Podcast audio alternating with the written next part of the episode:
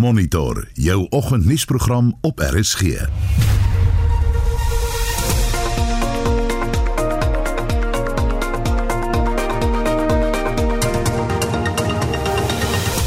vanoggend se program die regtelike dienskommissie kan regstappe verwag oor die manier waarop onderhoude vir hoofregter gevoer is.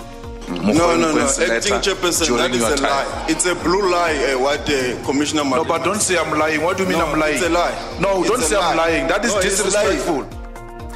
Kinders keer vir die eerste keer sedert die begin van die pandemie almal terug na die klaskamer.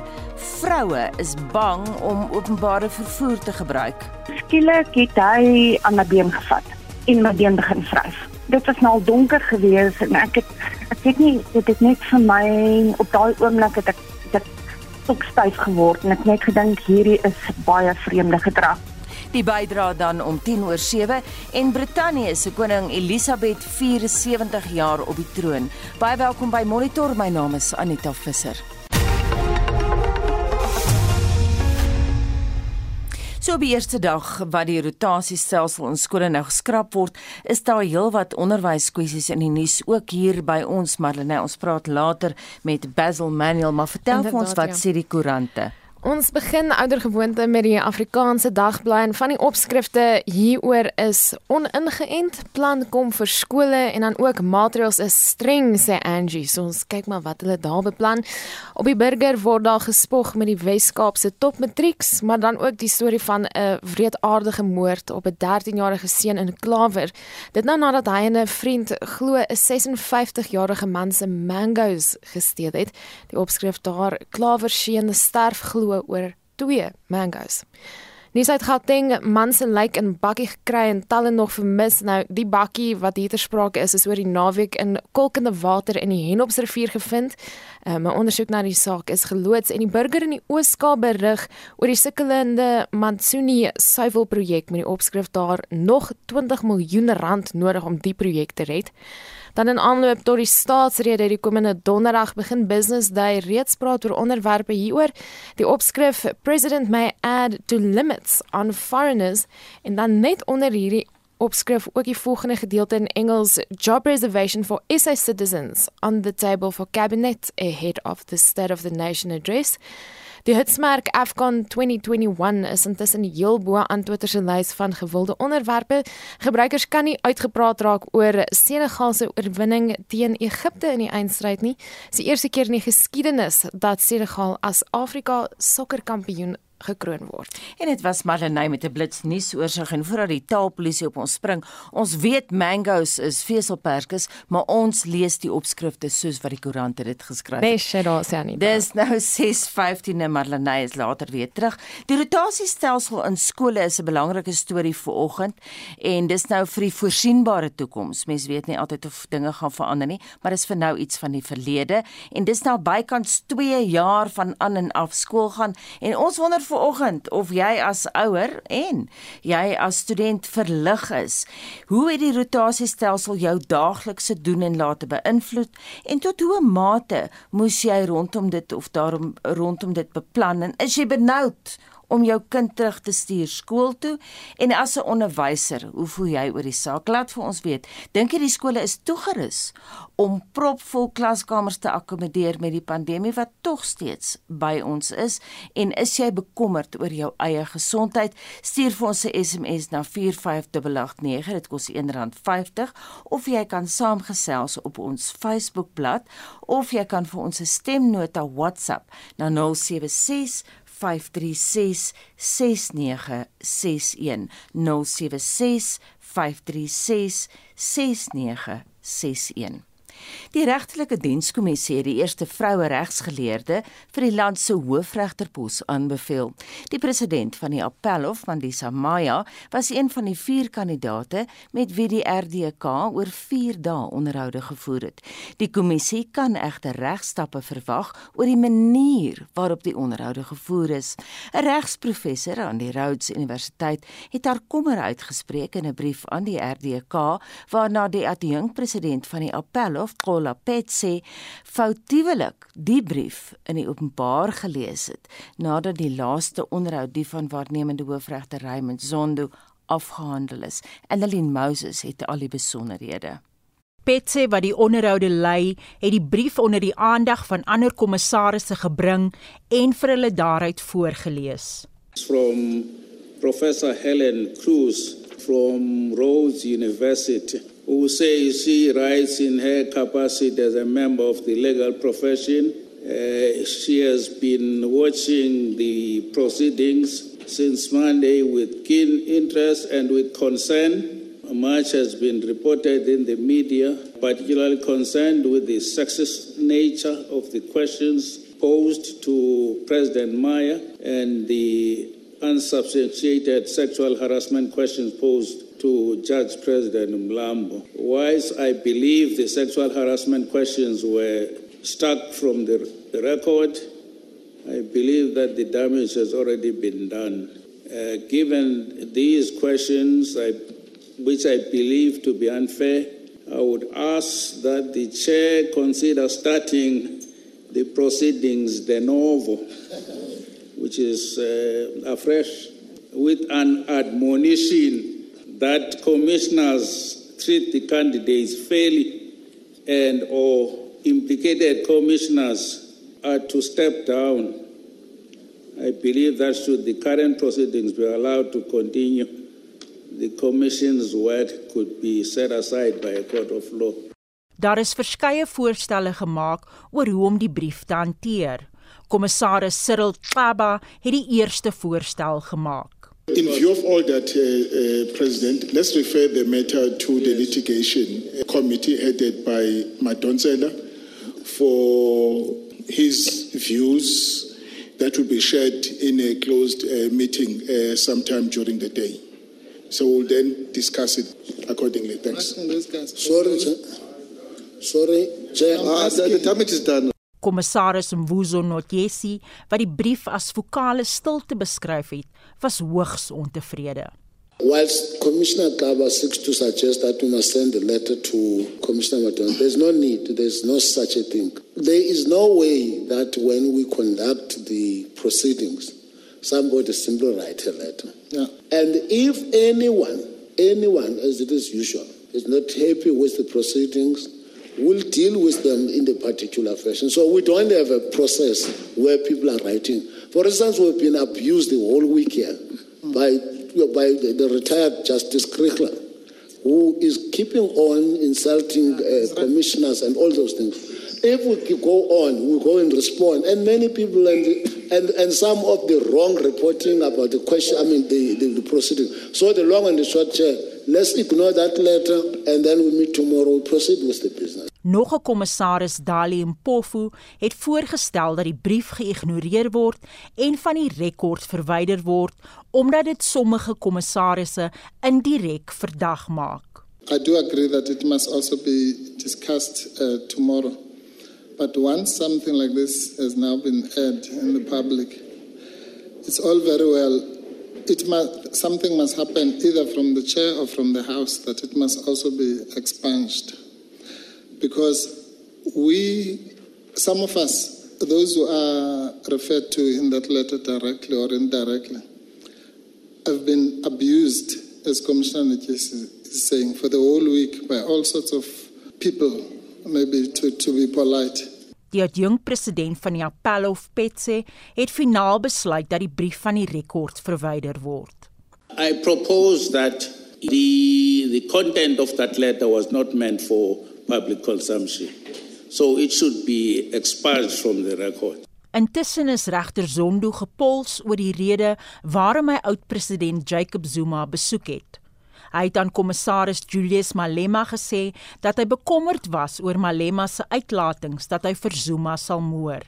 Die uitlatings is gemaak toe Malema nog leier van die ANC jeugliga was.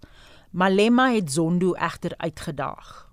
Don't you think that it is actually not in the best interest of the judiciary and the, for the judges to go and discuss other politicians? Because if you're bringing age at the age I was, it's immaterial to me. I'm a politician, I'm a president of a, an organization even at that time. I was not a, a, a, a leader of a crutch. I was a political leader of an organization with a rich history in this country. And for you to go as a judge to discuss another politician with another politician, that amounts to bringing the judiciary into disrepute. Because now, when it comes out, is this judge holds an extremely extreme political views about you. It doesn't matter how many years after. And when we say why, how, no, he drove all the way to come and talk about you, and he was a sitting judge. Is that not? Does that help to enhance the good image of the judiciary, or in what way does it help to uh, improve the good standing of the judiciary in society? Maar in reaksie op Malema het Zondo volgehou dat hy as 'n burger van die land bekommerd was oor die moer vir Zuma uitlatings. I don't uh, think it has it creates a problem at all Commissioner Malema. I think as a citizen I am entitled if violence maybe is threatened and uh, I know somebody who can do something to prevent people being killed and so on. I think I'm entitled, even if I'm a judge, if I know that person, I'm entitled to go that, to that person and say, please, we don't want violence. If there is violence, ordinary people will suffer, will be killed, and uh, of course they might not agree, but I think as a citizen, um, I'm, I'm entitled to, to do that. Spanning tussen kommissarisse Ronald Lamola en Malema het hoog geloop aan die einde van Zondo se onderhoud. Dit was as gevolg van nog 'n brief, die keer tussen Lamola en Zondo oor regter-presidente wat in die konstitusionele hof waarneem. Dit volg nadat oud-hoofregter Mogoeng Mogoeng die name van twee regter-presidente deurgegee het wat sou waarneem. Dit het egter aan die lig gekom dat die naam van regter-president Dunstan Mlambo, wat deur Lamola voorgestel is, een van die ander benoemdes vervang het. Een van die argumente was of Lamola se brief geskryf is voor die benoemingsproses vir hoofregter in September verlede jaar begin het. Dit is hoe die woordestryd tussen Malema en Lamola verloop het. CJ Mugwe Mugwe rise to them. Mm. They don't respond. Mm. They wait for him to go. Mm. Now they know that mm. the CJ is gone. Mm. Their process, you are now acting. Mm. We are going to look for mm. ACJ. Then they start responding to mm. No, no, no. Acting chairperson, that is a time. lie. It's a blue lie, uh, what the commissioner No, but don't say I'm lying. What do you mean no, I'm lying? It's a lie. No, it's don't say lie. I'm lying. That is no, disrespectful. No, to say lying. I'm lying, it's disrespectful. No, it's lying. If you are going to allow him to say I'm, I'm. I'm lying, it's wrong. You see? Speaking. I'm on a platform here and I'm not going to be called a liar here. Chair, take charge of your meeting. Chairperson, take charge of your meeting, please. No insults, please. Yeah, I can't say I'm lying. Honorable Minister, I haven't recognized you. No, you must protect No, me, Chair. I'm raising He a point You cannot just order. come in and say I'm lying. I'm, I'm raising a point of order. if he's going to degenerate this thing because he's a minister, it's not going to work here. Um, not Mr. with Malema, me. Mr. Malema. It's not going to work with me. Mr. Malema, please make your point. But protect me. He says yes. I'm lying. Protect me. He's insulting me. It's out of order, Chairperson. But he said I'm lying. Out of order is something else. He said I'm lying. He must withdraw that. Yeah, no, I withdraw the lie. It's out of order. Now, uh, ACJ. Minister, It's out of order, Chairperson. Intussen het die Helen Suzman Stichting aangedui dat hy hof toe wil gaan in 'n poging om die RDK te dwing om die onderhoude van vooraf te begin. Die verslag deur Mercedes Besent en ek is Annelien Moses vir SAK nuus. En ons bly by die storie die Raad vir die Bevordering van die Suid-Afrikaanse Grondwet Kassak sê die regtelike dienskommissie misbruik sy grondwetlike reg om 'n hoofregter aan te stel. Die RDK het aanbeveel dat die president van die Appelhof, Mandisa Maya, as die volgende hoofregter aangestel moet word. Die RDK se woordvoerder, Dalim Pofu, het Saterdagmiddag die besluit aangekondig. After much deliberation, the JSC has come to the decision to recommend that the President appoints Justice Mandisa Maya, the President of the Supreme Court of Appeal, to be the next Chief Justice of South Africa. Kazak se uitvoerende sekretaris, Losa Naidu, sê die RDK se rol is om raad te gee aan die president oor die kandidaate, nie om namens hom 'n besluit te maak nie. It misunderstood its role in this important process. It has sought to usurp the power given to the president in terms of the constitution to appoint a chief justice. The constitution requires that the president consults with the Judicial Service Commission and leaders of political parties in the National Assembly. Their role is to provide counsel and offer a, a view uh, on all of the candidates the president proposes.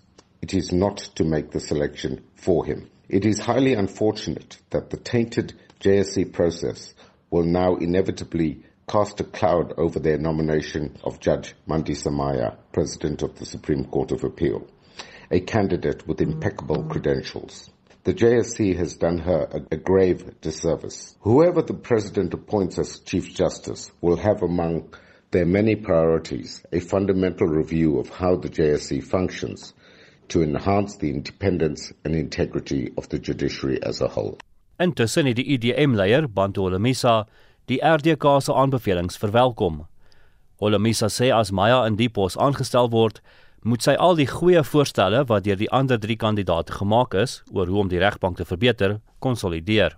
Firstly, we congratulate the recommendations made by the Judicial Services Commission to finally have a candidate which they can present to the President. I hope uh, if the President uh, agrees with the JSC, the chosen candidate would uh, make sure that she consolidate all those uh, recommendations and visions which were presented by her colleagues. Because to me they sounded very good, especially in looking into the question of uh, infrastructure of our courts, the security of uh, the judges and, and magistrates, as well as uh, to make sure that judgments are pronounced early. So, but everything is subject to the president. He might be having his own candidate.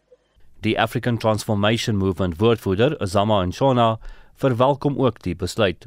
As the ATM, we observed all the interviews of the four candidates and we are convinced that the decision by the JSE is a sound, rational and meritorious decision. Unlike any of her competitors, Justice Maya's age allows her a unique opportunity to complete her full term uninterrupted and thus she'll be able to see her vision through. The ATM is impressed with Justice Maya's track record on various aspects that were probed but the interviewing panel, whether it be leadership skills, administrative capacity, technical skills, including writing hundreds of judgments, some of which were in an indigenous language, is the cause. Her grasp of the challenges facing the constitutional court and judiciary in general are above par. Die ATM sê president Ramaphosa moet Maya sonder enige verdere vertraging aanstel. Indien Ramaphosa besluit om Maya voor die staatsrede aan te stel, kan sy donderdag die optog van die regbank as hoofregter tydens die staatsrede lei. Hierdie verslag deur Mercedes Besent en ek is Justin Kennerly vir SI Garnis. Jy luister na Monitor elke weekoggend tussen 6 en 8. 6:30 in die hoofnuus gebeure. Leerlinge is nou weer voltyds terug op die skoolbanke. Beerdkrag word opgeskort en nog 'n sikloon tref Madagaskar.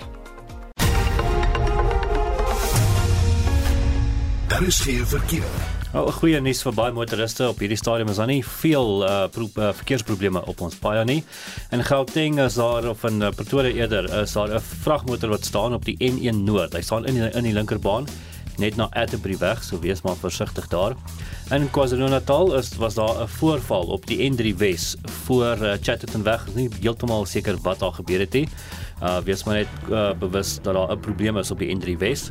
En in Kaapstad is maar die gewone vroegoggend verkeer op die R300 Noord net voor die N1 stad en se afrit. So ja, die verkeer vloei bietjie stadig daar, wees maar net geduldig. Stuur enige verkeersnuus na 45889, uh, dit sal jou R1.50 kos. Allenai. Ons praat vanoggend oor die rotasiestelsel in skole wat nou vir die voorsienbare toekoms iets is van die verlede. So na bygans 2 jaar van aan en af skool toe gaan, wonder ons of jy verlig is. Indien jy nou daardeur geraak is, ek weet daar's 'n paar skole waar dit nou nie meer gebeur het nie, maar As jy verlig, hoe het dit jou daaglikse doen en late uh, geraak? Moes jy baie beplan daaroor? Susan Engelbreg skryf op Facebook: "Niks het vir haar verander nie. Ons kinders het steeds elke dag skool toe gegaan en dit is die voordeel van 'n klein skooltjie."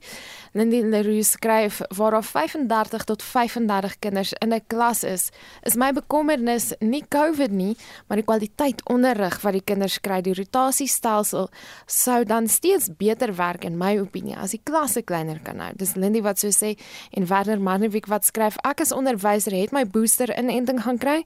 Ons skool het nie die rotasie stelsel gevolg nie want ons is 'n privaat skool, maar hy skryf ek is elke dag versigtig met my doen en late. So dink my daar's 'n paar mense wat nog ongemaklik is met die pandemie saam.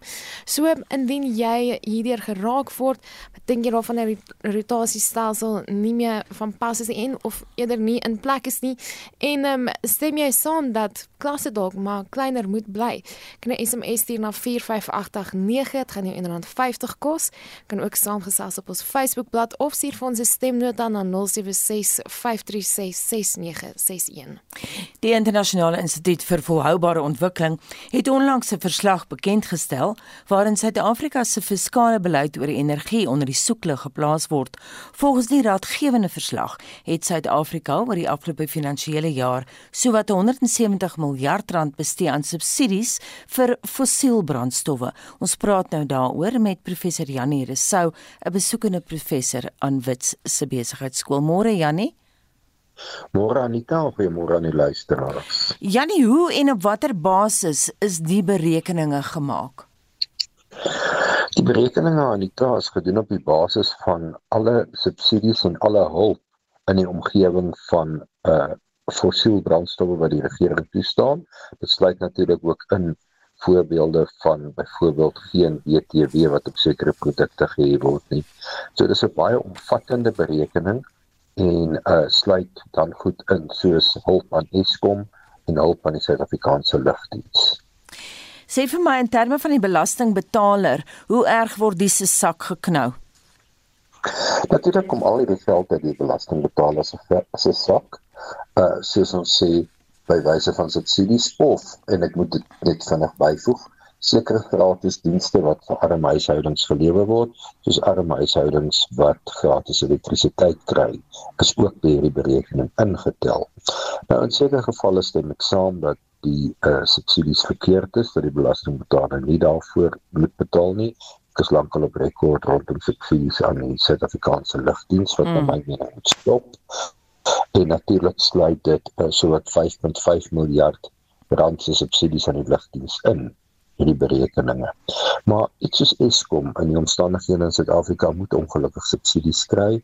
Ons het 'n nasionale kragvoorsiening nodig.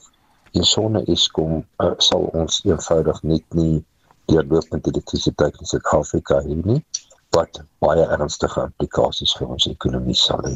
Vir my baie interessant Janie, ek kan nie onthou hoeveel onderhoude ons al gevoer het oor SAL nie. Intussen jou en Leon Lou skree julle al jare lank dieselfde storie. Jy weet, ons moet eenvoudig van SAL ontslaa raak, ons moet aanbeweeg en uh, dit lyk my daai boodskap gaan ooit gehoor word deur die regering nie. Dit lyk nie so nie Anita, ek en uh, Dr. Joachim van Botha en Leon Lou het 'n berekening gedoen, al die hulp aan Eskom bymekaar getel en aangepas vir 'n uh, ek sê tog aan SAL bereken en aangepas vir inflasie oor die onderliggende tydperke. Volgens ons berekeninge in huidige geldwaarde het die uh, SAL se totale hulp reeds so wat 95 miljard rand beloop. Met 95 miljard rand in Suid-Afrika teen huidige waarde kon ons wonderlike ontwikkelingswerk gedoen het en terloops die lugdiens vlieg nog steeds. Sê vir my in terme van alternatiewe energiebronne, wat is jou idees daaroor Jannie?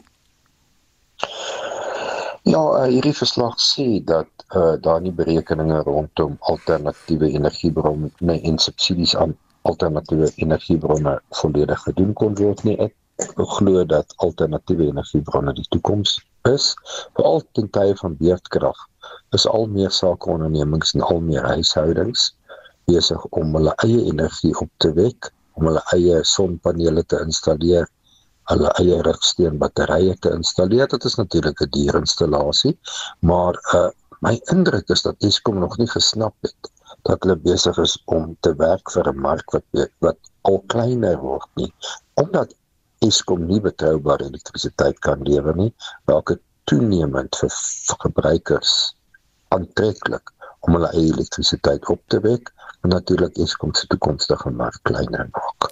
Baie dankie en so sê professor Janie Resou van Wits se besigheidskool. Latyns-Amerika se politieke kultuur is besig om weer eens na links te draai. Twee voorbeelde is Chili en Honduras.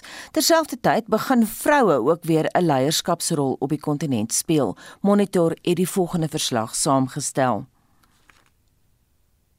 In Santiago het die markte onstuimig gereageer toe die 35-jarige aangewese president Gabriel Boric beloof het hy gaan Chili se vrye markgerigte ekonomie aanpas. Sedertdien het die vuurvreter, voormalige studenteleier, sy uitsprake heelwat versag. Hy is egter 'n man van sy tyd wat in die tradisioneel chauvinistiese Latyns-Amerika 14 van sy 24 kabinetsposte aan vroue toegestaan het en nie sommer enige vroue nie. Sy minister van verdediging, Maya Fernandez, is die kleindogter van die sosialis Salvador Allende wat op 11 September 1973 dood is tydens 'n aanval op die presidentsiële paleis in Santiago. Professor Lal White van die Brenter Stichting in Johannesburg wat lank vanuit Bogota die Latyns-Amerikaanse politieke omgewing bestudeer het, sê alhoewel die politieke pendulum swaai, is die beweging deesdae minder ekstreem. What I'm seeing in a more modern sense is that we can't, we haven't got the traditional left and right any longer. This isn't across the board, but in the case of Chile, for example, we've seen a younger generation coming through and they don't buy into the radical left that we've seen that has risen up in the likes of Venezuela, Argentina, and even Brazil in the past. We've seen a much more moderate left, which is maybe perhaps pioneering a new approach to leftist politics in Latin America, which other countries, and including our country here in South Africa, might look at to try and replicate a kind of a social democratic left that is coming out of Latin America that is similar to what we see in many parts of Europe today. Intussen het die Hondurane vir die eerste keer 'n vrou tot president verkies. Iris Jomara Castro Sarmiento is die klein sentraal-Amerikaanse staat se 56ste president. Sy was voorheen eerste dame toe sy tussen 2006 en 2009 aan die sy van president Manuel Zelaya gestaan het. Nou is sy in eie reg president van Honduras. The nature of politics has created space for women to rise I say that have seen this before because let's not forget that in the early 2000s, in 2007 and before that, we saw the rise of Fernandez de Kirchner in Argentina and obviously Michel Bachelet, who was one of the most popular presidents in Chile at the time. So we've seen this before, but it hasn't stuck. And I think that is one of the most important attributes. Let's not forget, we also saw Dilma Rousseff rise to power in Brazil as well. We need to look at this in terms of how the institutions and the culture of politics has not only created the space, but how it will allow these countries to create a sustainable model of women in leadership. President Lyle White sê dis ook insiggewend dat die FSA vir Kamala Harris gestuur het om Iris Xiomara Castro se inhuldiging as president in Honduras se hoofstad Tegucigalpa by te woon. Kamala Harris flew down to attend the inauguration. Obviously, that bodes well for a, a tiny country in Central America where they need the support of the United States. And obviously, Kamala Harris has come to champion women in politics and women in leadership. There's much anticipation around that. But it is in some ways less celebratory than expected because in January, a block of lawmakers from her leftist parties, because she comes from the leftist party of Honduras, they've suggested they're going to be supporting an alternative candidate. And this speaks to the polarization and the divisive politics that we see in places like Honduras in Central America. Nog 'n politikus in die kollig, maar die keer praat ons van die internasionale kollig, is een van Kolumbie se presidentskandidaate Ingrid Betancourt wat van gekombineerde Frans-Kolumbiaanse herkoms is. Die 60-jarige Betancourt is op 23 Februarie 2002 tydens 'n vorige verkiesingsveldtog deur die marxistiese groep Fuerzas Armadas Revolucionarias de Colombia, oftewel FARC, ontvoer en saam met 14 gevangenes vir meer as 6 jaar aangehou. Die hel is op 2 Julie 2008 beëindig toe die Kolumbiaanse veiligheidsmagte die gijslaers gered het. Intussen is Vark ontbind en Betancourt wat onder meer deur die Spanjaarde en die Franse vir haar veerkragtigheid vereer is, het nou 'n kans om die septer in Kolumbie te swaai. On being released, she actually fled to France where she spent some time and has returned to Colombia where she is now campaigning off an anti-corruption campaign and a campaign which seeks to unite Colombians. Colombia has become deeply polarized once again and Ingrid Betancourt believes she is the person that can bring the divisive camps back together again in 2022. It's a very, very exciting time in Colombian politics indeed. Dit dan professor Lyle White wat lank in Bogota klas gegee het en die Latyns-Amerikaanse politiek fyn dophou. Hy staan verbonde aan die Brente Stichting in Johannesburg. En nou terug na Suid-Afrikaanse nuusgebeure. Vir die eerste keer sedert die begin van die pandemie keer alle kinders vandag terug na die klaskamer want die rotasiestelsel is voorlopig iets van die verlede. Die onderwysersvakbond Naptosa waarsku egter dat verskeie COVID-19 regulasies nog toegepas moet moet word. Die uitvoerende direkteur Basil Manuel sluit nou by ons aan om hieroor te gepraat. Goeiemôre Basil. Goeiemôre. Uh, uh is weer 'n plesier om met julle te wees. Sê vir my, dink jy die kommunikasie van die regering se kant af oor die skraping van die roteringsstelsel is voldoende? Ons kan seker daaroor kla. Maar as jy nou daaraan dink dat kabinet uh, verlede week uh die besluit geneem het. En dis nou 'n paar dae daarna waar die die wysigings aangebring is uh in verskillende dokumente dink ek dat dit nie vroeër kon gebeur nie. Ons kan ons kan seker kla dat uh meer gesê moes gewees het veral oor die dinge wat moet moet bly nie net die dinge wat moet verander nie. Uh dink ek ja, ons kan ons kan uh regverdig sê dat sekere dinge 'n bietjie langer geneem het as wat ons dit sou wou gehad het. Is jy bekommerd oor die toepassing van sekere COVID-19 regulasies soos waarna ons verwys het in die inleiding? Ja, ons is. Alhoewel ons die terugkeer verwelkom, uh dink ons nog dat daardie uh ou sake van uh infrastruktuur uh dit, dit weer na vore kom omdat ons weer daardie oorval skole sien.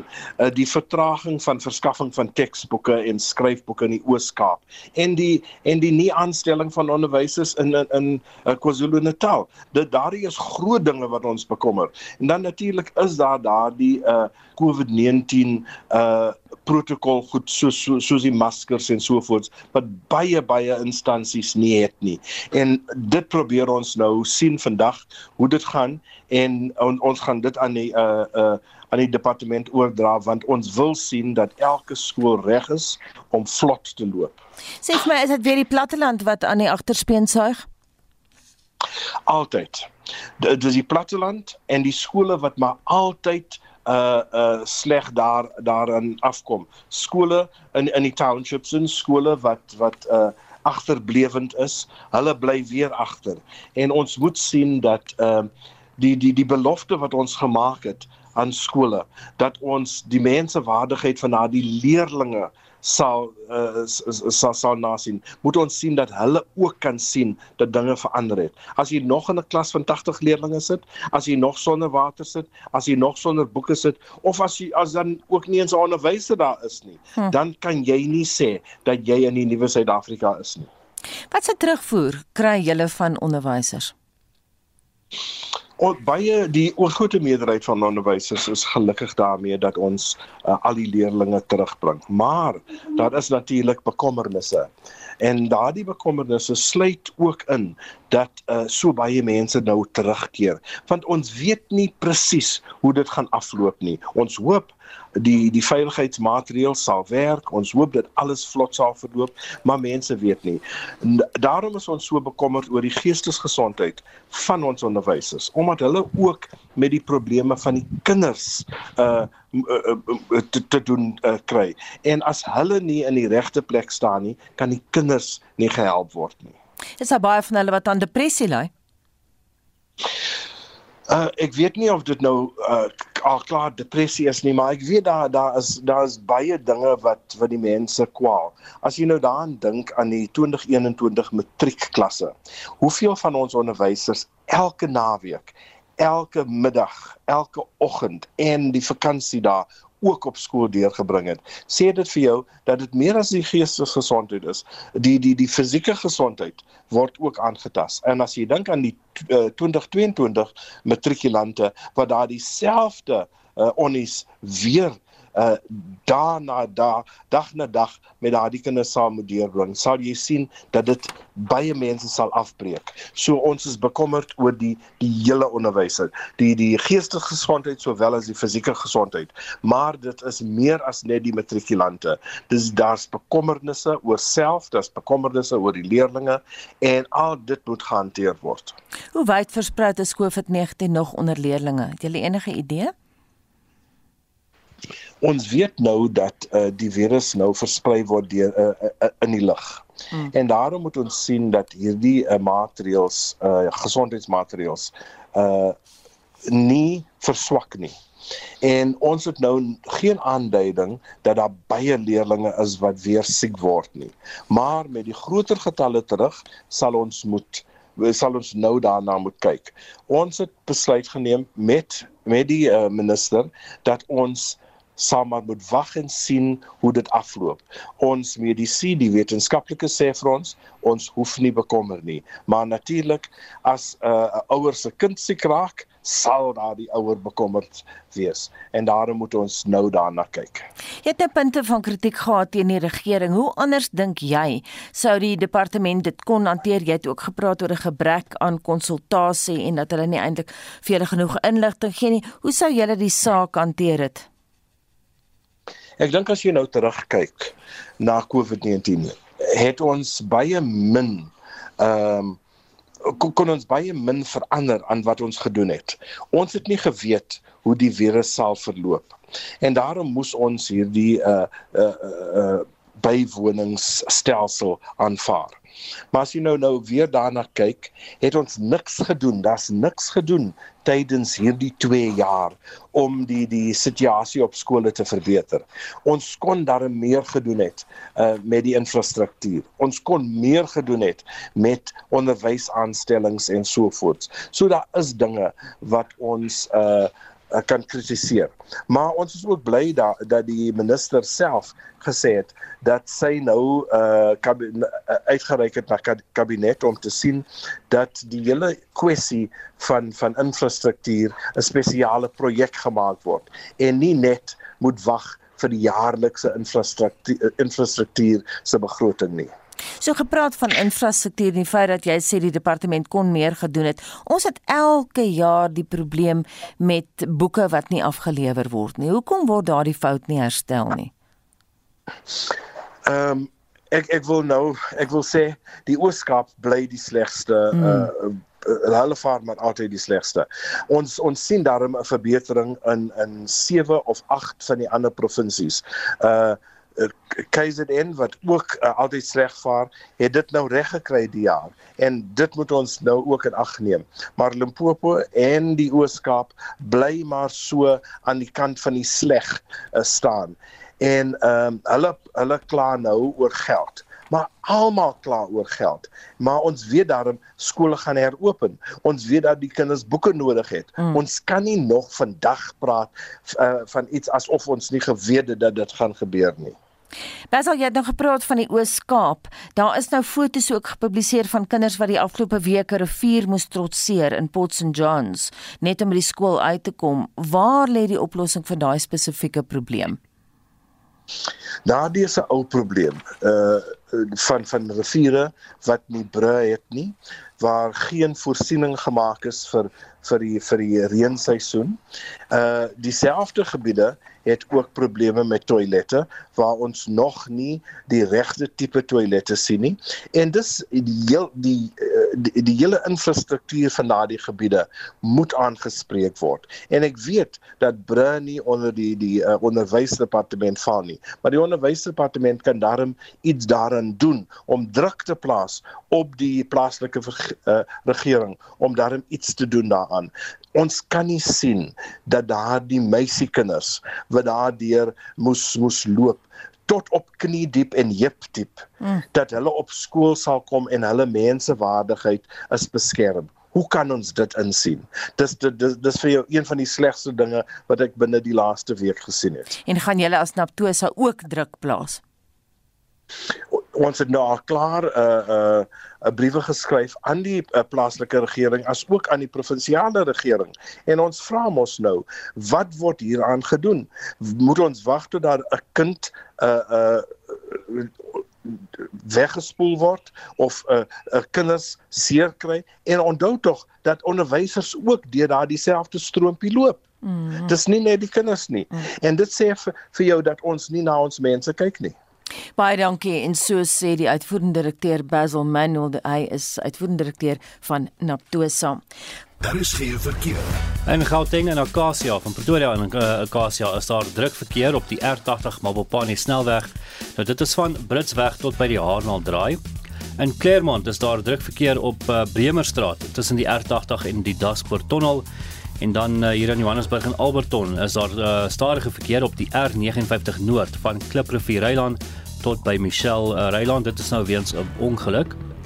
Op die N3 is daar uh, mistige toestande tussen Harry Smit en Villiers en dan in Kaapstad is almal net uh, uh, druk verkeer op die N7 Suid by die N1 stad en afrit. Stuur enige verkeersdiens na 45889 teen R1.50 per SMS. Nou is dit Marlenae se spreekbeurt. Ons praat oor die rotasiestelsel in skole wat vir die voorsienbare toekoms iets van die verlede is en ons hoor heelwat mense wat hieroor saamgesels. Ehm um, en baie onderwysers wat op ons WhatsApp lyn hulle opinie gedeel het. Ek is ook in die onderwys. Gelukkig was ek nou van daardie onderwysers wat er in Perfaskool is wat nou nie blootgestel was aan hierdie sal ek sê martelskap van 'n rotasiestelsel nie. Ek is bly vir my kollegas en kinders dat dinge terugkeer na normaal toe.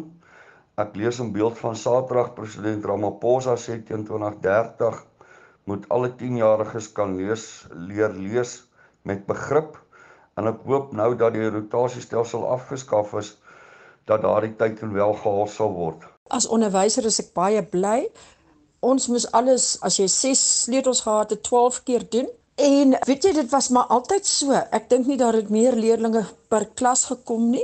Ons het net gewoon geraak aan die kleiner groepe, maar die uitgerektheid van die saak was baie moeilik. So ek is verheug dat almal terugkom en dat daar weer 'n samehorigheid is want tussen die twee groepe het daar nou soort van 'n eksklusiwiteit en 'n antagonisme ontstaan. Ek het verlede jaar 'n groep almal teruggehaat en ek het dit ervaar. Vir my as opvoeder is dit 'n groot verligting dat die leerders nou voltyds terugkom skool toe want hulle het ongelooflik baie werk gemis en op baie kansse uitgemis waar hulle sport en allerlei dinge kon doen en hulle handhaaf in elk geval nie die COVID protokol na skool nie. So dit was vir my sinneloos geweest in elk geval dat ons so lank hierdie rotasiestelsel moes hê.